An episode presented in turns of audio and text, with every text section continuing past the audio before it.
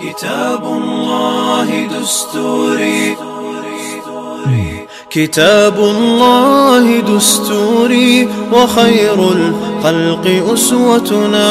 بسنته جلا نوري لهدي الحق أرشدنا. كتاب الله دستوري وخير الخلق أسوتنا. بسنته جلا نوري Alhamdulillah Rabbil Alamin, wassalatu wassalamu ala Rasulillah. Braću moja draga, evo nas u još jednom našem druženju čitaoni. Od prošle sedmice počeli smo da se družimo sa knjigom Šeha Safeta Kuduzovića koja govori o svojstvima poslanikov alaihi salatu wassalam namaza.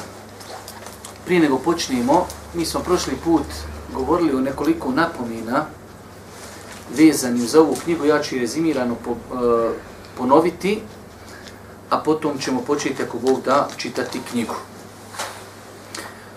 Znači, zašto smo odabrali da govorimo o ovoj knjizi? Iz razloga što ova knjiga tretira jedno od najbitnijih poglavlja Islama, a to je namaz. Znači, čovjek nakon što uđe u Islam, izgovori šehadet, postane musliman, najveća obaveza tjelesna, ili praktična jeste namaz. Pa smo zbog toga i odabrali da se družimo sa ovom knjigom. S druge strane, ova knjiga pisana je od strane našeg šeha Safeta Kutuzovića. Svakako to knjizi daje dodatnu vrijednost. Hem što knjiga tretira veoma bitnu temu, hem što je obrađivao čovjek autoritet, čovjek koji zaista kroz svoja dijela, kroz svoja izlaganja, pokazuje da se radi o jednom velikom i vrsnom učenjaku. Šeh, kada je pisao knjigu, koristio je preko 400 izvora, što svakako ukazuje koliko je to vrijedna knjiga. Ja sam prošli put uspomenuo i spomenut ću sada, živio sam u arapskom svijetu više od 10 godina, skoro da mi nije poznato da postoji u arapskom svijetu knjiga koja obrađuje poglavlje namaza, a koja je slična ovoj knjizi. Iako arapski svijet je ogroman, stotine i hiljade doktora islamskih nauka i alima i šehova, opet meni nije poznato da postoji jedna detaljno napisana knjiga o namazu kao što je ova knjiga.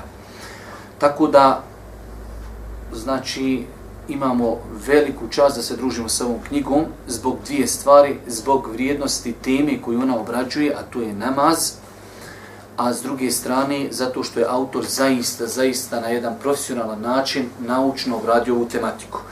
Da ne bi, eh, hajde da kažemo, više govorio o, ovoj dijel, o ovom dijelu, eh, počet ćemo sa poglavljem u kojem Šej Safet na početku navodi nekoliko napomena u pogledu samog dijela. Šej Safet je na početku napisao nekoliko napomena u kojima je pojasnio kako i na koji način će pisati dijelo, pa ćemo ih lagano pročitati, lagano prokomentarisati. Prošli put smo sad vremena komentarisali ove napomene, da bi, ako Bog da, počeli sa čitanjem e, same knjige. Pa, bujno.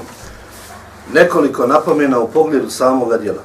Pišući ovo skromno dijelo, moleći uzvišenog Allaha da se muslimani okoriste njime, kroz opis namaza poslanika sallallahu alihi wasallam, u svjetlu Kur'ana i vjerodostojnog suneta, koristio sam naredne metode. Prvo, polazio sam sa iznošenjem kur'anskih, a potom hadijskih i šerijatsko-pravnih dokaza, spominjući stepen vjerodostojnosti svakog hadisa, govora sahaba i tabina, upozoravajući na neke neispravne predaje koje su raširene među svijetom. Imam Zehebi je rekao, nema nikakve koristi od predaje gdje su izmješani ispravni i slabi hadisi. Znači, prva stvar, Šej Safet nam govori prilikom pisanja ove knjige i tu je metoda učenjaka kada obraćuju neko fiksko poglavlje, uvijek počinju sa kuranskim ajetima. Ako u datom poglavlju nema kuranskih ajeta, onda počinju sa hadisima. Pa nam šeh kaže da će pišući ovu knjigu koristiti taj metod, dok kada je u pitanju iznošenja argumenta šeh je obećao i on je se toga i predržavao, da će hadise Božih poslanika, ali se ratu selam, znači volarizirati, da će spominjati njihovu ocjenu, da će spominjati njihove izvore, što je svakako jedna od velikih vrijednosti ovih knjigi. Mi smo prošli put se dugo zadržali na ovoj tematici. Braću moja draga, knjiga u kojoj hadisi nisu ocijenjeni gubi na svojoj vrijednosti mnogo. Dok ova knjiga znači svi hadisi koji su spomenuti u ovoj knjizi su ocijenjeni, što svakako ovoj knjizi daje veliku vrijednost. Dobro, broj dva. Drugo, posebna pažnja posvećena je konsenzusu islamskih učenjaka, jer je on također verifikovani i legitimni vjerski izvak od učenjaka i sunetskih pravnih umjerenja, usmjerenja. Imam Šafija smatra da je stvarni konsenzus jači od pojedinačnih ehad hadisa, to je smimo mutavatir predaje. Na ovaj smisao ukazuje i, i šejhul Islam ibn Taymije. Druga stvar koju nam spominje šej Safet jeste, i zaista ja sam iščitavao u knjigu više puta, od odlika ove knjige jeste da se mnogo puta šejh pozabavi pitanju konsenzusa. Kada čitate knjigu i kada nađete na neko pitanje i kaže ovo pitanje je po konsenzusu, gotovo to zažmiri i nauči. Ne može sutra niko doći da ti kaže pa možda je nešto drugo. Zašto? Znači, konsenzus učenjaka je izvor vjeri. Imamo četiri izvora oko kojih, ajde da kajemo, generalno nima razilaženja osim u nekim sitnicama. Kur'an, sunnet, konsenzus islamskih učenjaka i ispravna analogija. Pa ako se u nekom pitanju navede konsenzus, u kojem su ispunjeni uvjeti koji islamski učenjaci navode da, da bi bio konsenzus validan, onda to pitanje znači završeno, nema oko njega raspravi. Pa ova knjiga, vidjet ćete še i Safet u samom abdestu na više mjesta, a i u namazu kaže ovo pitanje je pitanje po kojem islamski učenjaci imaju konsenzus. Znači sutra ja više tu ne mogu razmišljati, ali može biti drugačiji. Ne može biti drugačiji.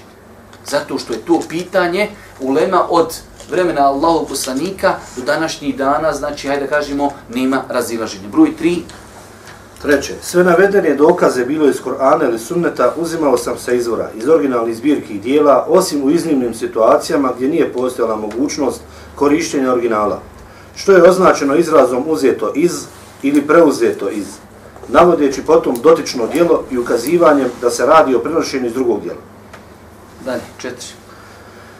Pod četiri. Koristio sam ponekad više različitih izdanja jednog te istog dijela ovisno o potrebi, kao što su El Musned imama Ahmeda, El Džamija imama Tirmizije, El Es Sunan imama Ebu Dauda, Fethul Vari Hafiza Askalanija, El Mugni imama Ibn Kudame i neka druga dijela.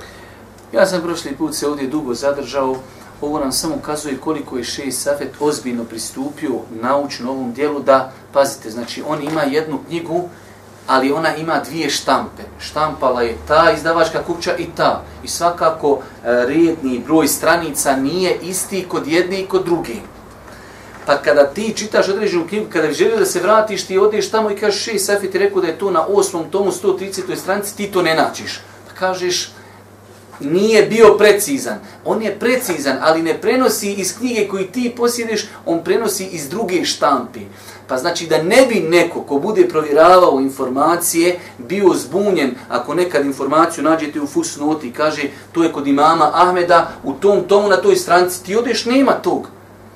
Ra, znači radi se da je šest Safet koristio dvije različite štampe. Zašto dolazi do različitih štampi? Svaka štampa ima svoje posebnosti. Nekada ljudi oštampaju štampu i ne trude se mnogo. Pa još oštampaju, hajde da kažemo, u pet tomova.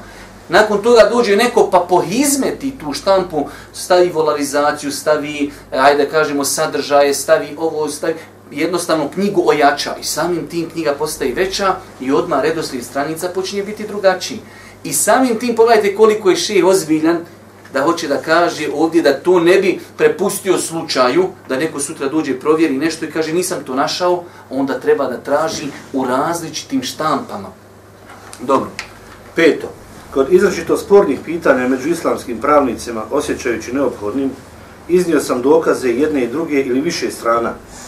Potom sam komentirao slabije dokaze, a u slučaju kad je bilo moguće i što je najpreće, vršio sam pomirenje teufik stavova, pridržavajući se pri tome principa i pravila koje su uslovili islamski učenjaci. Znači, braću moja draga, ova knjiga je pisana metodom komparativnog fikha, mnogim pitanjima se pristupa komparativno.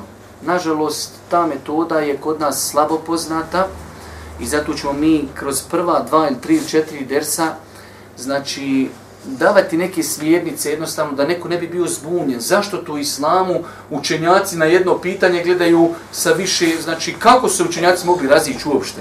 Zašto jedni kažu glava se potirje tri put, jedni kažu jednom? Zar islam nije jedan? Pa znači, ova knjiga je pisana metodom komparativnog fikha, što znači većina pitanja se obrađuju kroz prizmu četiri mezheba, kada se iznesu stavovi, pa se kaže jedan ili dva mezeba kažu to, drugi kažu to, onda se iznose njihovi dokazi, dokazi se elaboriraju, radi, na njih se odgovara i shodno tome se, hajde da kažemo, odabiri jači mišljenje. Svakako, mi ćemo cijelo vrijeme kroz ovu knjigu e, dolaziti sa jednom tezom, a to je, ako i preferiramo jedno mišljenje, to nikako ne znači da druga mišljenja su odbačena totalno. Primjera radi, mi možemo preferirati mišljenje da se ruke u namazu vežu iznad pupka, ali ne znači to uopšte da oni koji vežu ruke ispod pupka ili ulema koja je to rekla da je to novotarija, da je to dalale, da je to zabluda, da se ne poštuje taj stav. Ne, samo kažemo ovo mišljenje je malo jači pa ga mi praktikujemo, ali i drugo mišljenje ima svoj e, dokaz, e, validno je i tako dalje. Pa znači komparativni fik e, iziskuje, ajde da kažemo, dosta razumijevanja, e, iziskuje toleranciju. E, uviše nam na kraju kaže, imate dosta puta, učenjaci se raziđu, a može se da se njihovi stavovi pomiri. Pa kaže Šej Safet, ja ću uvijek pri, prioritetno pokušavati da pomirim stavove učenjaka. Ako to ne mognemo, onda moramo odabrati jedno od mišljenja u pogledu određenog pitanja. Dobro, dalje. Šesto. Dijelu nije cilj naklonjenost mišljenju jedne pravne škole, tako da sam prevashodno koristeći dokaze iz Kur'ana i Sunneta odabirao meritornije mišljenje, ovisno o stepenu ispravnosti i jačini iznesenih argumenta. Mi smo prošli put isto govorili u detaljno ovome. Braću moja draga, ovo zapamte, danas je ovo velika korist. Ljudi se u pogledu njihovog odnosa prema šerijetskom znanju dijeli u tri kategorije. Imamo prosječnog muslimana, pod navnim znacima ćemo ga staviti, obični musliman, koji se nije šerijetski obrazovao. Ono što je naučio u Mejtefu, to je sva njegova šerijetska naobrazba. Taj čovjek se u šerijetu zove Mukallid. On slijedi nekoga ko više zna od njega. Da li slijedi mučtehida, da li slijedi imama mezheba, da li slijedi svoga muftiju i to je njegov pravac. On kad ima neki problem, on ne zna. On nazove nekoga koji je za njega najučeniji, nekog koji je najpobožniji i kaže šta je propis toga i toga i taj čovjek mu odgovori i on živi po tome. I njega će Allah pitati koliko je se pridržavao toga što mu je taj kazao. To je prva kategorija ljudi. Imamo drugu kategoriju ljudi, to su ljudi koji su šerijatski obrazovani, kao što je, evo, rećemo Šej Safet Kuzović, koji može uzeti i jedan mezheb i drugi mezheb, ima toliko kompetencije da čita i tamo i vamo i da vidi da vaga šta je jači. Da se neko ne zbuni, ja znam da ima ovdje nekada kod nas u Bosni, ako ne praktikuješ određeno mišljenje za nefijskog mezheba, kaže, eto ti sad pametnio da je Nismo pametni od Ebu Hanife, ali imam Ebu Hanife, primjer radi živio je, kad je gledano historijski četiri mezeba, prvi historijski znači mezeb koji je nastupio od ova četiri je Hanefijski. Zbirke Hadisa se tek kompletiraju, e, knjige Fikha i Usula se tek pišu, jednostavno određene stvari još nisu bile dostupne imamu Ebu Hanife. Sami njegovi učenici, Mohamed Šejbani Ebu Jusuf, Kada su se sreli sa drugim učenjacima, primjera radi Mohamed Šeibani se sreo sa Malikom u Medini, promijenio je možda trećinu svojih mišljenja u mezebu i ostavio stave mama Ebu Hanifi. Pa ako je imam Mohamed Šeibani mogao u mnogo pitanja ostaviti hanefijski mezeb i opet da se pripisuje hanefijskom mezebu, zašto mi danas nemamo pravo da odabirimo znači, neko mišljenje shodno ono mi znači što mislimo da je najjači. Pa to nije nikakvo omalovažavanje, nije Bohanife, ni Šafije, ni ništa, već je samo traganje za istinu. Pa Ši Safet nam daje do znanja da će knjiga biti pisana komparativno. Zašto? Imate knjiga koji se pišu mesepski. Imate knjiga, čovjek kaže u startu, ja ovu knjigu pišem po hanefijskom mesebu. Ne izlazim iz meseba. Da li ja to, znači, da li ima nešto jače, ne jače, ne znam. Samo pišem šta je hanefijski mezheb, ili šta je hanbelijski, šta je šafijski. Imamo knjige koje su komparativne. Jedna od komparativnih knjiga jeste i ova knjiga koja se ne pridržaje jednog mezheba. Pa ću u jednom pitanju reći najjače mislim šafijsko, u drugom malikijskom, u treće hanefijsko i tako dalje. Dobro, dalje. Sedmo. Dijelo počinje govorom o abdestu, a završava načinom zikra posle namaza, jer su oboje usko vezani za namaz. S tim što je abdest uvjet namaza. Šest, znači zato što knjiga obrađuje namaz, pojašnjava čitaocu da zašto govorimo na početku knjige o abdestu i zašto govorimo o zikru. Pa znači da ne ispade, ok, govorite, rekli sad ćete pisati o namazu, a govorite nečemu što nije namaz. Pa govorimo o abdestu zato što je nelogično, hoćeš da klanjaš, ti trebaš uzeti abdest. Pa ok, da te podučimo da kako ti čitaoće da uzmiš abdest, a nakon toga predao sam selam, završio sam namaz, ima nešto od poslanika prenešeno kako se zikr čini. Pa je še Safet ovoj svojoj studiji o namazu dodao dvije stvari koje su usko vezane za namaz. Jedna je vezana više, a to je abdest, ona je uvjet za namaz, a zikr je znači pohvalna stvar nakon namaza, ali je lijepo da čovjek to zna. Pa je šir običaj da čovjek knjizi obrati poglavlje abdesta detaljno i poglavlje zikra. Ovu osmu tačku, e, znači šeh jednostavno neke knjige koje su kojima se mnogo koristio, spomenuo je zbog, eto, hajde da kažemo jednostavno, želio je da istakne bitnosti knjiga, u ovoj tačci broj 8. Broj 9, Iz želje da se jasno predstave izvori navedenih dokaza, što je obavezno u naučnom radu, ponekad su fusnote po svom sadržaju približne glavnom dijelu teksta. U njima se nalaze hadisi poslanika, salallahu alihi veselem, i riječi učenjaka prvih i potrebnih generacija, kao i kratka objašnjenja glavnine teksta. Smatramo da će čitaoci ovog dijela naići na razumijevanje i da im čitanje fusnota neće predstavljati poteškoće. Ova knjiga je jedna od njenih vrijednosti. Onaj ko čita ovu knjigu obavezno treba da čita i fusnote. Ne možda sve. Nekad šest samo u fusnotama navodi izvore. Ali nekada pojašnjava kada u pitanju hadis, šest citira hadis, a u fusnoti govori o njegovoj ocjeni. Pa je veoma bitno kod pitanja gdje se ulema razišla čitati fusnote. Jer nekada ćete vidjeti dole šeh navede hadis od neke grupe učenjaka, ali dole kaže ovaj hadis su deset učenjaka smatrali daif odmah znači dobro. Kad dođe do raspravi, ovaj se argument više ne može koristiti kao jak argument. Ako dođe do druga grupa i donese vjerodostan hadis koji ukazuje na to pitanje, svakako da je njihovo mišljenje jači. Pa znači, e, bitnost fus note u ovoj knjizi je velika. Uvijek je fus nota bitna u svim knjigama, u ovim pogotovo, narošto kada se, znači, šeh e, Safet govori o ovoj knjizi, u fus notama govori o ocjeni hadisa. Deseto.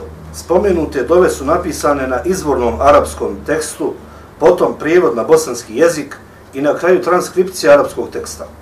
Hadisi koji se tiču same forme namaza pisani su samo u prijevodu na bosanskom jeziku. 11. Ukratko sam obradio pitanje pregrade sutre za namaz jer je primjetno da ovaj sunnet zapostavlja veliki broj klanjača. Dok su ashabi pridavali veliku pažnju ovom propisu, što ćemo detaljno pojasniti, inša Allah. 12. Želim ta također naglasiti da je vrijeme nepogrešivih zapečačeno smrću poslanika, salallahu alihi veselem, zato eventualne greške u ovome dijelu, bilo naučne ili štamparske prirode, dokaz su ljudske nesavršenosti, a islam je čist od svega toga. Znači, nakon što je Ših Safet pojasnio metodu kojom će pisati svoju knjigu, a ovo vam, vjerujte, da je velika rijetkost znači danas u bosanskim knjigama, da neko pojasni kako će pisati knjigu, ovo ukazuje na ozbiljnost ove knjige. Da je Ših pojasnio metodu i držao se metode koju je spomenuo. Nakon što je pojasnio metodu, Ših počinje sa poglavljem abdesta. Namaz se ne prima bez abdesta uzvišeni Allah kaže, o vjernici, kada želite namaz obaviti, lica svoje ruke svoje do iza lakata operite i po glavama svojim potarite i noge svoje do iza članaka operite. Od Ibn Omera se prenosi da je poslanik sallallahu alihi veselem rekao, ne prima se namaz bez abdesta. Braćo, znači šejh počinje prije nego što pojasni kako se uzima abdest, da nam pojašnjava da je uvjet validnosti namaza abdest. Elhamdulillah, ova naša vjera je savršena. Ne može čovjek stati sad na džamijska vrata i ljudima, imaš li abdest, imaš li abdest. To je stvar između njega i Allaha. naša vjera u većini slučajeva zasnovana je na povjerenju. Postiš li, ne postiš, između tebe i Allaha. Klanjaš li s abdestom, bez abdesta, to ne zna niko znači. Ali, za ispravnost i validnost namaza, uvjetuje se da čovjek uzme abdest. Glavni dokaz za ovo poglavlje jeste ajet u suri El Maide 6. ajet gdje Allah Đelšanu kaže o vjernici kada želite namaz obaviti lica svoje operte i pojašnjen je, pojašnjen je sav abdest kako će se uzijeti, odnosno njegovi ruknovi i njegovi temelj.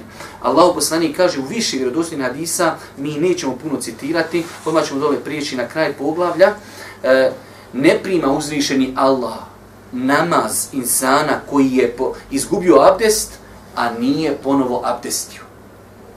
O, to je znači prva stvar. Allah Đelešanu neće primiti čovjeku namaz bez abdesta. Ovdje ima jedna veoma bitna stvar, a to je kada bi se desilo da čovjek klanja i zaborava bez abdesta. Njegov namaz nije validan i treba ga ponoviti. Ali šta ćemo ako čovjek klanja svjesno bez abdesta? Neki učenjaci su išli toliko daleko da su smatrali da je to dijelo nevjerstva. Da čovjek svjesno klanja, nema abdesta, on zna da nema abdesta. To je veliki grije, veliki grije, a neki su ošli toliko daleko, kažu, to je, on se ismija s vjerom. Ovo govorim zašto? Iz razloga što se može čovjeku desiti da u toku namaza izgubi abdest. Jer tu, znači, e, Allah Žešanu stvorio insana, stvari koje kvare abdest, između ostalog je primjer radi puštanje vjetra. I čovjek iz određenih razloga može se desiti, o tome učenjaci govori u svojim knjigama. Pa šta je obaveza? Da li čovjek ima tada pravo na stid? Kaže, bilo me stid, sad puna džamija i tako dalje. Treba da se da prednost Allahu Đelšanu zadovoljstvu, Allahu vjeri i znači poznavanje propisa. Tako da čovjek kada bi se desilo da izgubi abdest, obaveza mu je da prekine namaz. Sad je drugo, da li on može izići, da li je gužva, da li su safovi, ali čovjek ako ništa može prekinuti namaz i sjest sa strane ili sjest u safu, ali znači ne smije glumiti da klanja. Ne smije glumiti da klanja i to je opasna stvar. Imamo dole na kraju, rekli smo, e, islamski učenjaci su slož, se slažu, pročitaj nam ti, Hadžija. Islamski učenjaci. Islamski učenjaci se slažu da je abdest uvjet bez kojeg ne vrijedi namaz. Znači, ovo, ovo pitanje po konsenzusu. Inače, konsenzus se može citirati na viši način. Ako kažemo, islamski učenjaci se slažu. To je e, jedan od načina prenošenja konsenzusa. Može se reći, islamski učenjaci su to zaključili po konsenzusu. Islamski učenjaci su složni i tako dalje. Ali sve su to načini pojašnjavanja da određeno pitanje, znači nema razilaženja. Nikad niko u historiji islama nije rekao može se klanjati bez abdesta. I zato ako duđe neko polupjan tu rekne, kaže, izvinjajmo se, historija umeta, nikad, ti si prvi. Bravo Kolumbo, otkrio se Ameriku. Znači prvi, ako bi nekad neko došao, kažemo, Allah Želšanu je to naredio u Kur'anu, o vjernici, kada hoćete moliti dovolite, lica svoje operite, pa je pojašnjen sav abdest. To je jedna naredba, Boži poslanik je u više vjerodostojni hadisa naredio i rekao, Allah ne prima namaz, i na kraju islamski učenjaci su složni da nije dozvoljeno klanjati, da namaz nije validan osobi koja klanja bez abdesta. Dobro, nakon što smo shvatili, to je temelj, uvijek u poglavljima imate temelje, nakon temelja imate, hajde da kažemo, druga manje bitna pitanja. Pa nam sad logično je dolazi vrijednost abdesta. Mnogi su hadisi koji govori o vrijednosti abdesta, mi ćemo pročitati samo neki od njih. Humran kaže da je Osman ibn Afan jedne prilike zatražio vodu za abdest, te se abdestio na isti način kako se abdestio poslanik sallallahu alaihi ve sellem, A zatim je kazao da je Allahov poslanik sallallahu alihi ve sellem rekao ko uzme abdest na način kako sam se ja abdestio, zatim skrušeno klanja dva rekata, bit ćemo oprošteni prošli grijesi. Znači vidite ovdje, od vrijednosti abdesta jeste i to da čovjek koji ispravno abdesti onako kako je abdestio poslanik, nakon toga dva rekata klanja, ali ovdje je došla jedna klauzula malo potiška. La yuhaddithu fihima nefsehum u kojima neće se prepustiti šetanskom došaptavanju. Ovdje je šetu preveo skrušeno da čovjek klanja, Čovjek se ne može, pazite, slušao sam Šija Šakite kada je govorio jednom komentaršu ovaj hadis, nemoguće da čovjek klanja, a da mu ništa ne padne na pamet. Ovaj hadis to ne želi da kaže. Ali je moguće da se brani. Ovaj hadis hoće da kaže onaj ko klanja dva rekiata i klanja tako da ako mu i dođe šeta nešto došapne, on to otjeriva. Ali ako mu dođe pa se on prepusti tim mislima i do kraja namaza razmišlja, eh, onda nije ispunio ovu nagradu. Znači, ko, klanja, ko abdesti, klanja dva rekiata u kojima se neće prepustiti mislima i šetanskom došaptavanju, uz Allahu pomoć, znači očekivati ovu, ovu veliku nagradu. Imamo dole od Ebu Huriri hadis. Ebu Hurire kaže da je Allahov poslanik sallallahu alaihi ve sellem rekao kada se abdesti musliman pa opere svoje lice sa vodom ili zadnjom kapi vode spadaju sa vodom ili zadnjom kapi vode spadaju grijesi koje je počinio svojim očima. Kada opere svoje ruke sa vodom ili zadnjom kapi vode spadaju grijesi koje je počinio svojim rukama. Kada opere svoje noge sa vodom ili zadnjom kapi vode spadaju grijesi koje je počinio svojim nogama pa se tako potpuno očisti od grijeha. Inače, pravilo, braćo moja draga, kada god se govori o vrijednostima i kaže se oprost grijeha, u većini slučaja se misli na male grijehe. Da neko ne pomisli, evo ga još jednom abdestim i sve što sam do sad radio u životu, eto me čist ko od majke rođene. Veliki grijesi iziskuju teubu. Mali grijesi mogu biti poništeni činjenjem dobrih dijela, razno raznih dobrih dijela, jedno od njih je i abdest. Allah najbolje zna, znači tako se ispravno razumiju hadisi u kojima se govori ako rekneš to i to, bit će ti oprošteni grijesi. Ako uradiš to i to, bit će ti oprošteni grijesi. Znači misli se u većini slučajeva na mali grije koji čovjek počini, a kad su u pitanju veliki grijesi, ne daj Bože, blud, alkohol ili nešto što je definisano kao veliki grijeh, gdje bi sad da idemo u tu temu šta je veliki grijeh kod islamskih učenjaka, ima razno raznih definicija, jedna od definicija velikog grijeha jeste svaki onaj grijeh za koji je došla neka prijetnja, da li dunjaločka, da li ahiretska, ako se za neko dijelo prijeti nekom kaznom dunjaločkom ahiretskom, onda je to veliki grijeh u većini slučajeva. E takvi grijesi iziskuju šta? Iziskuju teubu da bi bili oprošteni, dok e, znači abdest ili neki zikrovi korektni sto puta, to i to bit ćemo oprošteni grijesi. Znači čovjek radi u toliko grijeha i rekni sto puta subhanallah ve bihamdi i završeno. Ne misli se znači na mali grije dok veliki grijesi iziskuju pokajanje. Dobro, oni koji imaju knjigu svakako šest safet je navio ovdje više hadisa, ali jednostavno dovoljno da, da shvatimo da prilikom abdesta čovjek ima za mogućnost da, ajde kažemo, Allah Žešanom oprosti mali grijehe, pa ste vidjeli, znači grijesi počini očima, rukama, nogama, kako god čovjek koji organ peri i sa zadnjom kapi vode, kako se suši voda i kako pada, znači tako padaju i njegovi grijesi, što je velika stvar, a to će nam poslije trebati. U ovom sljedećem poglavlju odlika, odnosno e, odluka za abdest. Odluka za abdest nijet. Nijet je uslov za valjanost abdesta po mišljenju izrazite većine islamskih pravnika. Ovaj stav zastupaju učenjaci malikijske, šafijske, hanbelijske i zahirijske bukvalističke pravne škole, hanefijski pravnici. Znači, ne, ovdje je kraj rečenici. Ovo je koje je zastupao mišljenje da e, je za abdest potreban nijet. O čemu se radi?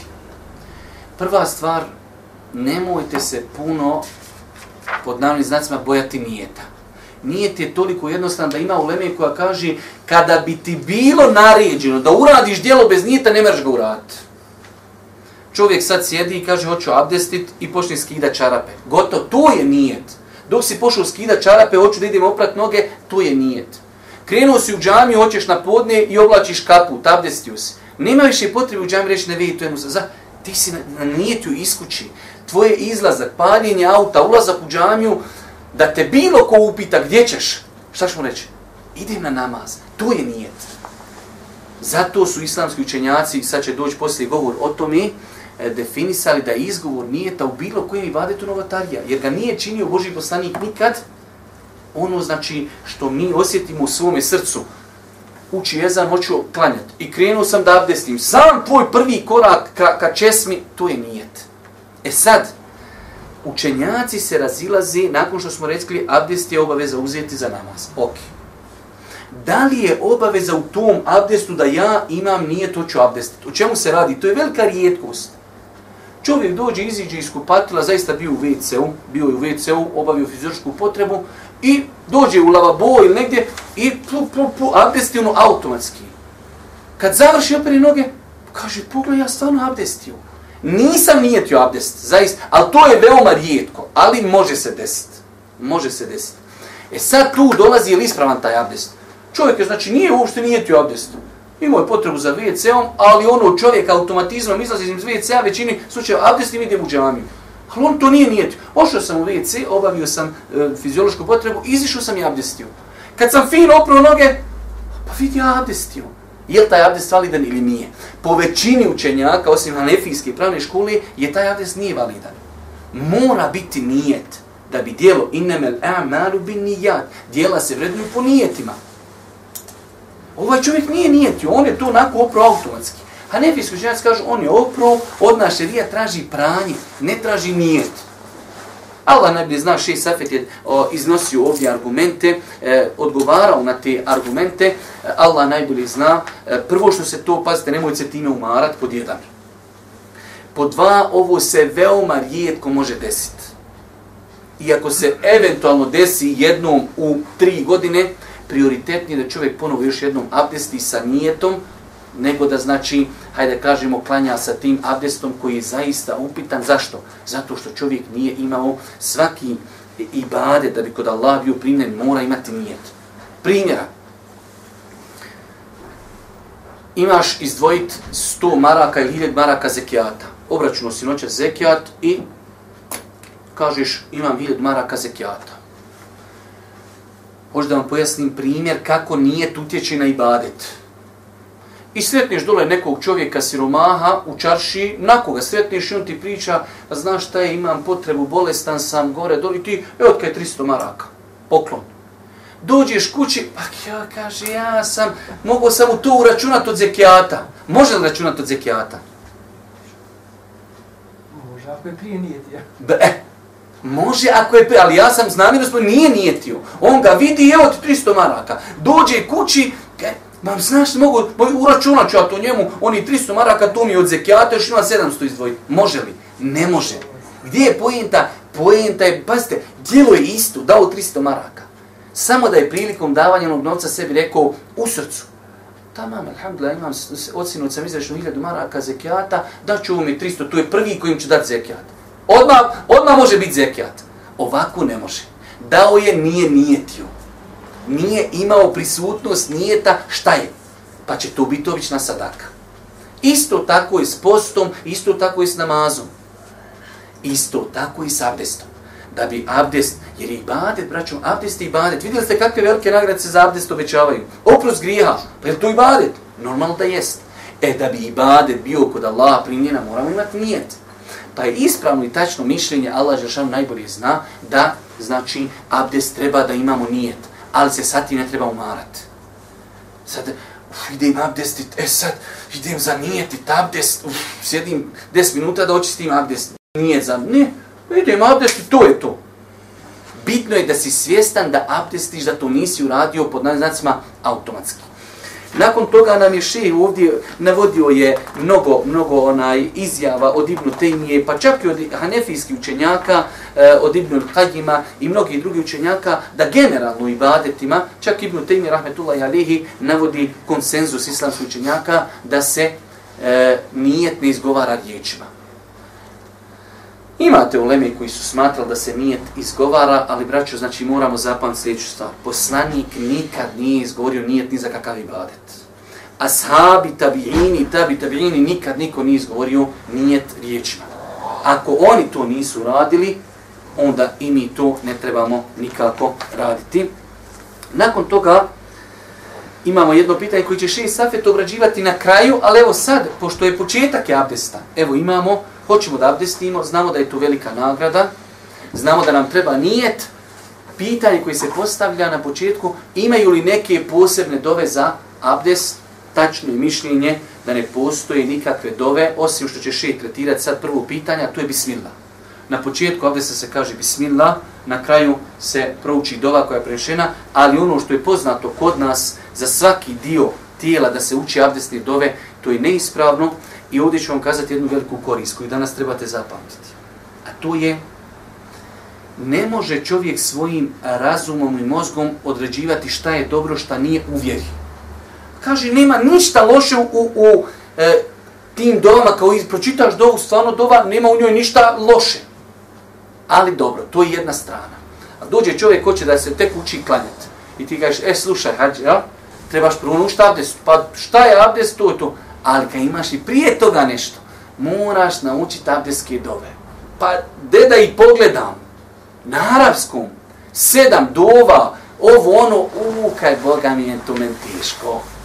Pa ja neću ući dove, samim tim neću abdestiti, a samim tim neću ni klanjati. Pa smo opteretili čovjeka nečim što mu nije Allah naredio. Pa znači mi ne možemo prepustiti svom razumu šta je dobro, šta nije dobro. A hoćemo abdestiti, želimo Allahu zadovoljstvo, želimo nagradu abdesta i kažemo bismillah i to je sva procedura. Ne izgovaramo nikakav nijet na glas. Znači, e, velika, velika većina učenjaka prijedodnih generacija, ovih generacija smatrali su izgovor nijeta na glas, notarijom, isto tako E, učenje dova nije preneseno od poslanika, ni od tabiljina, ni tabi tabiljina, e, znači ono što oni nisu radili definitivno nije vjera, tako da čovjek se ne treba time zamarati. Nakon toga prelazimo na poglavlje, hoćemo početi e, abdestiti, šta ćemo? Prva stvar koja ide jeste izgovor bismillah. Da vidimo šta nam šeji kaže. Izgovaranje Allahova imena bismillah prije uzimanja abdesta po nekim islamskim učenjacima obavezno je zbog riječi poslanika sallallahu alaihi wa sallam. Nema namaza onome ko se ne abdesti, a nema abdesta onome ko ne spomene Allahovo ime. E, vidite, ovdje imate hadise 89 fusnota i onda fusnota 89 je četvrtina stranici. Šeji Safet, pošto je ovo hadis oko kojeg se ulema razilazi ili vjerodostan, vjerodostan ili nije, navodi prvo njegove izvore hadisa, nakon toga govori islamski učenjaka da li je taj hadis vjerodostan ili nije. Na ovo pitanje, braću moja draga, se može gledati iz dva aspekta. Znači, ovaj hadis ide ovako. Nema namaza onome ko nema abdesta. To smo rekli po konsenzusu. A nema abdesta onom ko ne rekne bismillah možemo na ovaj hadis da kažemo odgovoriti s dvije strane. Prvo da reknemo taj hadis nije vjerodostojan. Samim tim ako nije vjerodostojan, znači da i hadis po ispravnom mišljenju se ne prihvata kao dokaz u šerijetu. Da i hadis. Dobro. Najjači odgovor u, u, u islamu je kad čovjeku kažeš odgovaram ti po dvije verzije. Prvo kažemo nije vjerodostojan hadis, ali evo ako je i vjerodostojan hadis, onda nije uvjet. Pohvalno je. Zašto nije uvjet? jer je u vjerodostojnim hadisima Buhari i muslima na više hadisa preneseno da je Boži poslanik abdestio i nije izgovarao bismillah. Da je to bio dok, da je bio obaveza, Boži poslanik kad god bi abdestio rekao bi bismillah i počeo bi. Već ovaj hadis je izrekao, a nije znači u mnogo hadisa preneseno samim tim to ukazuje, znači da je to bila obaveza Boži poslanik ali salatu wasalam to ne bi činio. Pa je znači ovaj hadis, e, kako ćemo ga onda shvatiti ako, ako je ispravan, nema, jer je Boži poslanik kaže, nema namaza bez abdesta, a nema abdesta bez bismilije, u šerijatu nekada dolazi tako terminologija da se negira potpunost. Nema potpunog, znači ti možeš operiš sve, nisi rekao bismillah, fali samo ona jagoda gore na kolaču. E, ta bismillah je, ali se kolač može i bez jagode pojesti. Pa znači, ona je samo znači upotpunjavanje abdesta, a nije elementarno, nije pranje ruku, nije potiranje glavi, pa znači da ne bi oko toga ših ovdje iznosio onaj, kako se zove, e, mišljenje učenjaka, da se ne bi time mnogo zamarali, hoćete abdestiti, trebate nijet imati u srcu, želim da abdestim, dolazite i kažete bismillah i to je to. Ne treba to izostavljati, maksimalno se truditi, maksimalno. Ali, izostavio si nakon abdesta, pff, ne reće bismillah, ništa, tvoj abdest je validan. Sjetiš se za dan, za dva ili, znači nije to uvjet, ali je lijepo i ne treba to izostaviti. Znači, to je srž onoga što je šeh e, Safet rezimirao u ovom poglavlju, da se ne bi, hajde da kažemo, mučili oko ovog pitanja, imamo mnogo drugih bitnih pitanja. Šta je bitno zapamati za bismilu? Da je došao hadis, oko tog hadisa postoji jako razilaženje. Ako prihvatimo da je hadis vjerodostojan, onda njegovo značenje je nema potpunog abdesta bez bismile. Potpunog. Ali ima abdest, ali nije samo malo fali da se upotpuni ali su njegovi temelji upotpunjeni. A imamo znači i drugi odgovor da reknemo da taj hadis nije vjerodostojan. E, I to je otprilike nešto što je še spomenuo, iako je on e, znači iznosio e, mišljenje učenjaka e, i drugi učenjaka koji kažu da e, je bismila samo pohvalna stvar i rekli smo da je njihov dokaz i kuranski ajet. Jer Allah Đeršanu kaže u, suru, u suri Al-Majde u šestom ajetu o vjernici, kada krenite namaz da obavljate, operite svoja lica. Pa nije spomenuta bismillah. Da je bismillah bilo nešto obavezno, Allah Đeršanu bi to spomenuo u Kur'anu. Pa tako znači spominjanje bismilli, riječ samo bismillah, je lijep i pohvalan postupak, ali nije obavezujući samim tim. E, ne bi želio da se mnogo opterećujem. U islamu znači imate propise, vađib, farz, sunnet.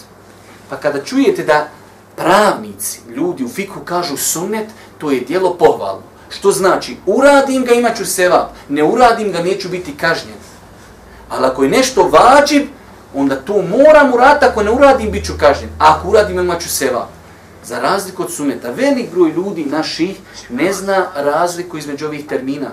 Moramo se podući šta su termini. Šta znači u fiku sunnet? U fikhu, ne u hadisu. U fikhu kad se kaže ovo je sunnet, znači dobrovoljno djelo. Ako ga uradimo, dižemo ruke u namazu. Ako dignem ruke, imam sevap. Ne dignem moj namaz, je po konsenzusu učenjaka validan. Pa znači, to je sunnet. Velik broj naših didova, vi znate, nažalost, ljudi, on kaže, podni namaz ima deset rekiata. On samo zna da se to zove, ovi prvi četiri su sunneti, pa četiri farza, pa dva sunneta. Ali su to za njega sve farzi. Ili ću sve klanjati ili neću ništa. Nema u njega pola, pola. Oni to samo, to su za njega imena. On ne zna definiciju. Na poslu kad ja mogu 5 minuta na pauzi klanjati četiri farza, ali kako mi ono ostalo naprijed, nazad, ja ne mogu to klanjati, nemam se džade, nemam te spiha, nemam kapice i neću ni klanjati. Pa ono što je farz ili vađib, ako uradiš imaš sevap, ako ne uradiš griješan si. Ono što je sunnet, Ako uradiš imaš sevap, ne uradiš nisi griješan. Pa je znači bismillah potpada pod ovaj propis da je ona sunnet. Što znači uradimo bismillu, reknemo imamo sevap. Ako je ne reknemo, zaboravimo, pogotovo ako zaboravimo, naš abdest je validan. Dalje. Da li je dozvoljeno praviti veće vremenske pauze pri uzimanju abdesta? Vidite, ovdje po meni, ne znam zašto je še baš ovdje to pitanje obradio, ali ja ću ga malo samo rezimirati. E, znači, čemu se radi? Čovjek abdesti i u toku abdesta, evo primjer, radi opravo je lice, opravo je ruke i onda napravi pauzu, zazvoni telefon. I ti javiš se na telefon i neko nazvo, neka tetka iz Amerike preko Vibera zove, gdje je dedo, gdje je haso, gdje je huso, što ima u Bosni i pol sata. I ti fino spustiš, slušaj, aha, opro sam ruke, opro, opro sam glavu, još mi ostalo, e, šta već ostaje, ostale su mi noge ili ne znam nija, i to je to. Pa po tom pitanju ne postoje neki jasno, jasni dokazi u islamu. Moj vam je savjet, nako, e, bez obzira šta je svakako, šta je Ulema rekla, to mi privatamo. Ima Ulema koja je dopustila da se pravi određene pauze kad se abdesti. Ali, braću moja draga, znači, pomeni je jedno lijepo, lijepa jedna, jedno ograničenje, ako ti je se e, organ koji si zadnji gopro usušio, gotovo. Znači ti si jednostavno, sve dok si ti mokar, to na tebe se odnosi da ti abdestiš. Ok, nešto znači desilo je se zaista, abdestiš, oprosi ruke, oprosi lice i neko zazvoni. Ti samo otvoriš vrata i vratiš se, nastaviš. Tvoje ruke su i dalje mokre. Ok. Ali ti se osušio, na osnovu čega će onda reći da sam pola tijela abdestio. Pa vam je moj savjet, znači, e, ajde da kažemo, ne, ne gledajući šta je Ulema rekla, svakako šta je Ulema rekla, ali, znači, da maksimalno izbjegavate, da maksimalno izbjegavate e, pravljenje pauza u abdestu. Ali ako se već desi da imaš potrebu za pauzom, onda da ta pauza ne bude duga, da ti se organ koji si ti već oprosuši. Ako se osuši, Allah najbolje zna, iako še ovdje navodi neke predaje od prvih generacija da su to tolerisali, ali i pazite, radi se o namazu, radi se o krupnom ibadetu, je li teško insan evo oprosi bio, oprosi ruke, oprosi lice i neko je zazvonio sušlice lice. Je li to teško ponoviti oprat lice? Zašto? Jer u pitanju je moj namaz.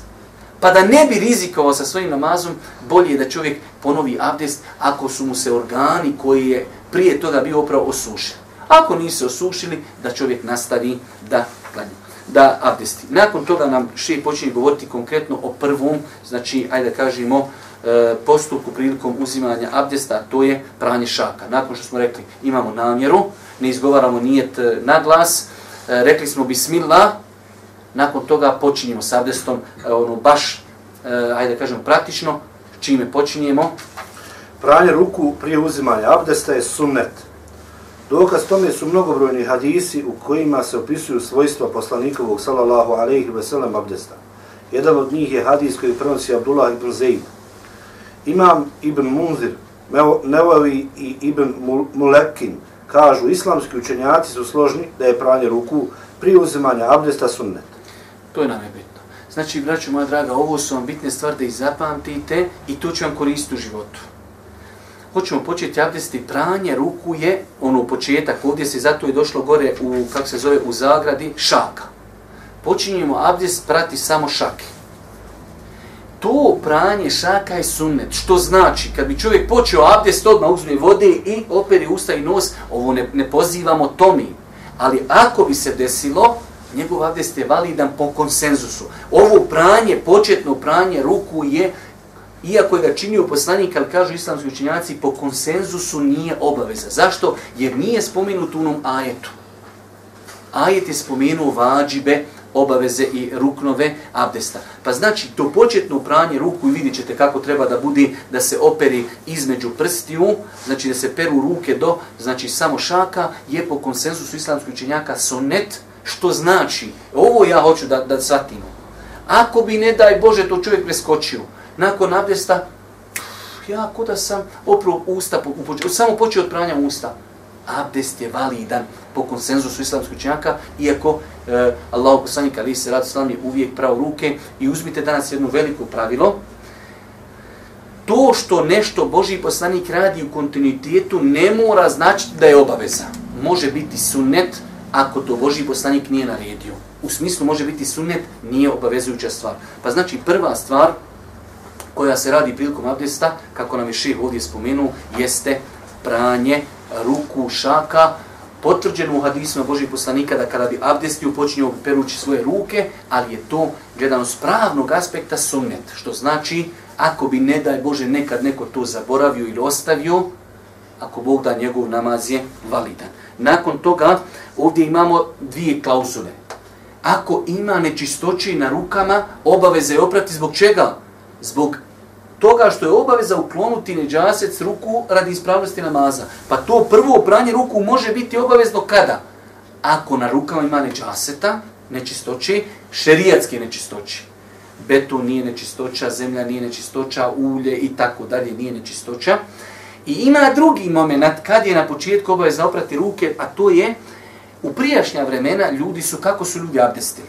Donese se posuda, kao uzmite sad da je to neka časa ili nešto, čovjek grabi jednom rukom i na drugu ruku posipa.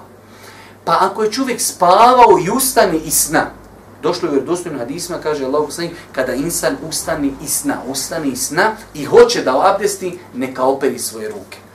Pa je bilo u Leme, a i to je mišljenje opet, nećemo da se sad oko njega puno zamaramo, bilo je u Leme koje je kazalo da je u ovom slučaju pranje ruka, ruku obavezno. Mi danas tu više ta metoda i zapostavljena, jer se danas, znači, hajde da kažemo, ne koriste ruke da bi se voda vadila iz neke posude, već se to radi na česmi. E, tako da, znači, imamo jednu varijantu kada je obavezno oprati ruke ako na rukama ima neđase. I to je spomenuo šeji Safet. Nakon druga, druga stvar, nakon što smo oprali ruke, počinjemo od obaveznih stvari, a to je ispiranje usta i nosa. nakon pranja ruku do zglobova ispiraju se usta i nos, kao u mnogim drugim pravnim pitanjima, pa i ovom islamski učenjaci imaju podijeljene stavove, jedni smatraju ispiranje usta i nosa obaveznim, dok većina kaže da je to sunnet. Vidite, znači šej Safet, kao što je obećao, komparativno gleda na ovo pitanje, a to je, počemo, oprali smo ruke u abdestu, počinjemo sa pranjem usta i nosa. U osnovi mi počinjemo sa pranjem lice. Allah Jeršanu kaže, kada krenite na namaz, hoćete da namaz obavite, operite lica. Ali na licu se prvo peru usta i nos. Da li je to pranje usta i nosa obavezno ili je pohvalno? Velika većina uleme kaže, to je pohvalno. Jer Allah Žešan naredio, perite lica. Lice je vanština onoga Arapi kažu već u arapskom jeziku, već znači nešto, to je nešto čime srećeš ljude. Usta i nos oni nisu smatrali u tom kontekstu od lica. Pa je došlo razilaženje kod uleme da li pranje lica i nosa, uh, usta i nosa je obaveza ili nije. Zašto? Jer poslanik je to uvijek radio, ali nije spomenuto u Kur'anu. Pa znači, zbog toga i došlo, zbog različitog razumijevanja dokaza, došlo je do velikog razilaženja kod islamskih učenjaka, da li je pranje usta i nosa obaveza. Velika većina kaže da je to sunnet, a ima učenjaka koji su shodno kuranskom ajetu, kada perijete, kada hoćete abdestiti, operite lica, kaže to obuhvata i usta i nos. E, duge se rasprave vode oko tog pitanja, opet da nas ne bi, oko, da ne bi ostali heftama na ovom samom abdestu, znači Allah najbolje zna. Sunet Božije poslanika je da nikad nije ostavio pranje usta i nosa, nigdje to nije zabilježeno. Tako i mi trebamo raditi. Nikada to ne izostavljamo. Ali, da se desi da je čovjek izostavio, Allah Đelšanu najbolje zna da je ispiranje usta i nosa, Allah najbolje zna, iako ših ovdje, ono, nekako, koliko sam bar ja shvatio, uh, nije jasno odlučio šta je jači mišljenje. U svakom slučaju ne treba sunneti da to poslanik nikad nije ostavio i mi se trebamo držati tog sunneta. Da li je to obaveza na granici da je to vađiv ili ne, to je zaista diskutabilno pitanje, tako da oni koji hoće da čitaju detaljnije e, znači ovu knjigu, kako kak se zove Šija Safeta, svakako e, će naći ovdje dokaze i naći će rasprave oko tih dokaza. U svakom slučaju, najbolje se držati ovog pravila. Ako je nešto zabilježeno da poslanik nikad nije ostavljao i mi se trebamo truti da nikada to ne ostavljamo. E, uzet ćemo još jedno pitanje. Kad nam je akšav namaz? Kad je abdest? Onaj ezan? 17. 17. Tamam, uzet ćemo još samo način ispiranja usta i nosa i time ćemo, ako Bog da, onaj završiti ovo prvo naše druženje. Način ispiranja usta i nosa, čitaj. Ispiranje nosa čini se ušmrkavanjem vode u nosne šupline, zatim se ponovnim išmrkavanjem voda tjera napolje. Ispiranje usta se čini pokretanjem vode u usnoj šupljini, zatim izbacivanjem vode iz usta. Ispiranje usta i nosa čini se iz jednog poteza. Ovo mišljenje zastupaju učenjaci hambelijske, većina učenjaka šafijske i neki učenjaci malikijske pravne škole. Dosta. Znači, Nakon što je šejih pojasnio propis, odnosno pojasnio da postoji razilaženje kod uleme, ali je navio Adise da to Boži poslanik nikada nije ostavljao, dolazimo do načina. Dobro, ja sam naučio da trebamo mi zaprati usta i nos, ali kako da to radim? Ko neko ko prvi put nešto čita, ne znam, kaže šejih većina učenjaka, znači velik broj učenjaka, smatra da se to radi iz jednog poteza. Šta se misli iz jednog poteza? Da jedno pregršte vodi, uzme se pola za usta i onda uvlačenjem vode pola za nos. Dosta puta ove stvari, kad ih čovjek čita, ako ih prvi put čita, oni ne razumije, osim dok mu se pokažu praktično. Pa znači, kada se rekne u ovom kontekstu iz jednog poteza, misli se da se uzme voda u šaku, desnu šaku, i da se pola vode uzme u usta, a pola se uvuče u nos, uvlačeći vodu u nos. Nakon toga lijevom rukom se znači isekne voda, a voda se u ustima, zatvori se usta i mm, mm, mm, mm, mm malo se, znači, takozvana u arabskom madmada. Madmada je u arapskom jeziku došla od riječi oni kad se zmija prevrće u svojoj rupi, oni kažu zmija se vrti i prevrće se. E, takvu vodu treba u ustima mm, da se bez podizanja glavi, ko što rade naša braća pakistanci, ovako, onako, e, isto nije zabeleženo da čovjek čisti, znači, prstima, četkicom, korištenjem svaka prije abdesta, da. Ali znači u ovom momentu propisano je da čovjek uzme, znači iako imamo i drugo mišljenje koje je validno, iako većina praksi za Božih poslanika jeste da je jednim potezom ispirao usta i nos. Znači uzmemo vode i natočimo, pola vode uzmemo za usta, pola za nos, uvlačeći znači vodu gore i sjecajući nos lijevom rukom, malo vodu pro, provrtimo u ustima i isplinemo vodu. To je e, stav znači većine učenjaka da se tako uzme abdest. Imamo drugi stav, a to je na drugoj nam stranici, še Safet to pojašnjava, pa kaže, imamo druga skupina.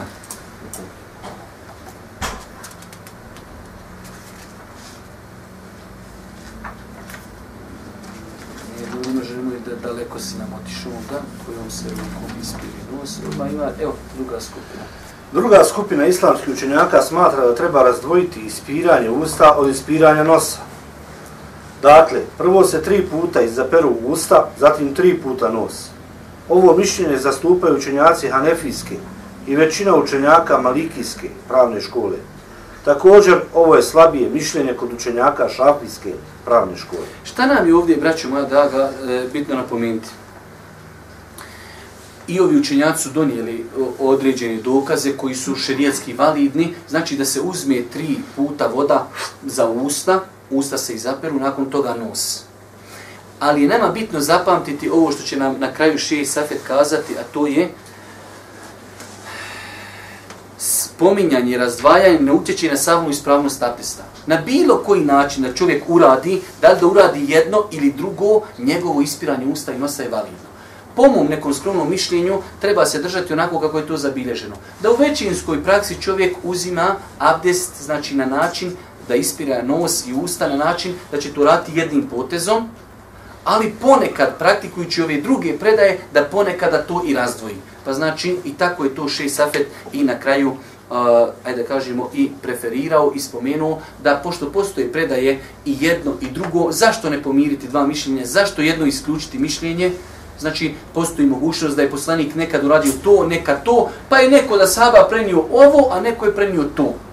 Iako Allah najbolje zna većinski što je preneseno od Božijeg poslanika, jeste da je to radio jednim potezom, znači jednim pregrištem vode je ispirao usta i nos, ali da čovjek uradi po stavu Hanefijske pravne škole da razdvoji to i to je svakako ispravno, bez obzira što da uradi sve ispravno, znači u smislu e, ne dovodi u pitanje validnost. Samo je pitanje šta je bliži sunnetu. Nakon toga e, ših nam je pojasnio, i mi ćemo se tu i zaustaviti, pojasnio nam je da se desnom rukom, e, nažalost velik broj ljudi, kod nas te neki ima loše navike, u islamu sve lijepe stvari se radi desnom rukom, a sve neugodne stvari se radi lijevom rukom, pa ispiranje usta je lijepa stvar, a znači, hajde kažemo, isjecanje je nešto što je, hajde kažemo, manje ugodno, pa se znači voda uzima desnom rukom, a isjecanje se čini lijevom rukom. I ših je navio neke predaje koje to potvrđuju. E, nakon toga vezano za nos, prilikom znači ispiranja nosa, sunnet je da čovjek dobro vodu uvuče u nos i to je poznato, osim kad je Boži poslanik stavio klauzulu, ako si postač, kaže. Kad čovjek posti samo malo da vodu ubaci u nos, a ako nije postač, znači dobro je da čovjek uzmi vodu i da dobro potegne vodu u nos. To su sve neke stvari koje šeh, e, ajde da kažemo, spomenuo kao sporedne stvarčice. S, e, nakon toga nam je spomenuo jednu stvar, a to je da iako možda gledano s aspekta rasporeda knjige, možda je trebalo spomenuti malo poslije kad su pitanju pranje ruku, da se stvari u abdestu uvijek počinu s desne strane ako imamo nešto na tijelu kao, dvoje kao noge i ruke, daje se prednost desnoj strani, a po konsenzusu ako bi pogriješio, abdest je ispravno. Što znači čovjek kada dođe e, do, u abdestu do pranja ruku, sunnet je se peri prvo desna ruka. Ali ako bi opro lijevu pa desnu, po konsenzusu mu je abdest ispravan. Sutra te neko upite, kažeš, abdestio sam i zaboravi, prvo opra lijevu ruku pa desnu. Šta ću? Nastavi dalje ispravno je ali je sunnet pohvalno. I praksa Božih poslanika je bila da je uvijek pravu desnu ruku pa lijevu, pa nam je šeh to pitanje zaokružio i time je, znači, zaustavljamo se ovdje kod pranja lica i napravit ćemo pauzu, poslije akšama ako Bog da nastavljamo, e, ne bili do kraja ovog drugog dersa došli, inšala, do kraja e, abdesta, znači dosta smo uspjeli da obradimo ona uvodna, uvodne napomene, e, početak abdesta, pranja ruku, e, ispiranje usta, ispiranje nosa, propis kakvoća i znači nakon toga dolazi pranje lica, vidjet ćemo šta nam je Šeji Safet u samom tome pisao.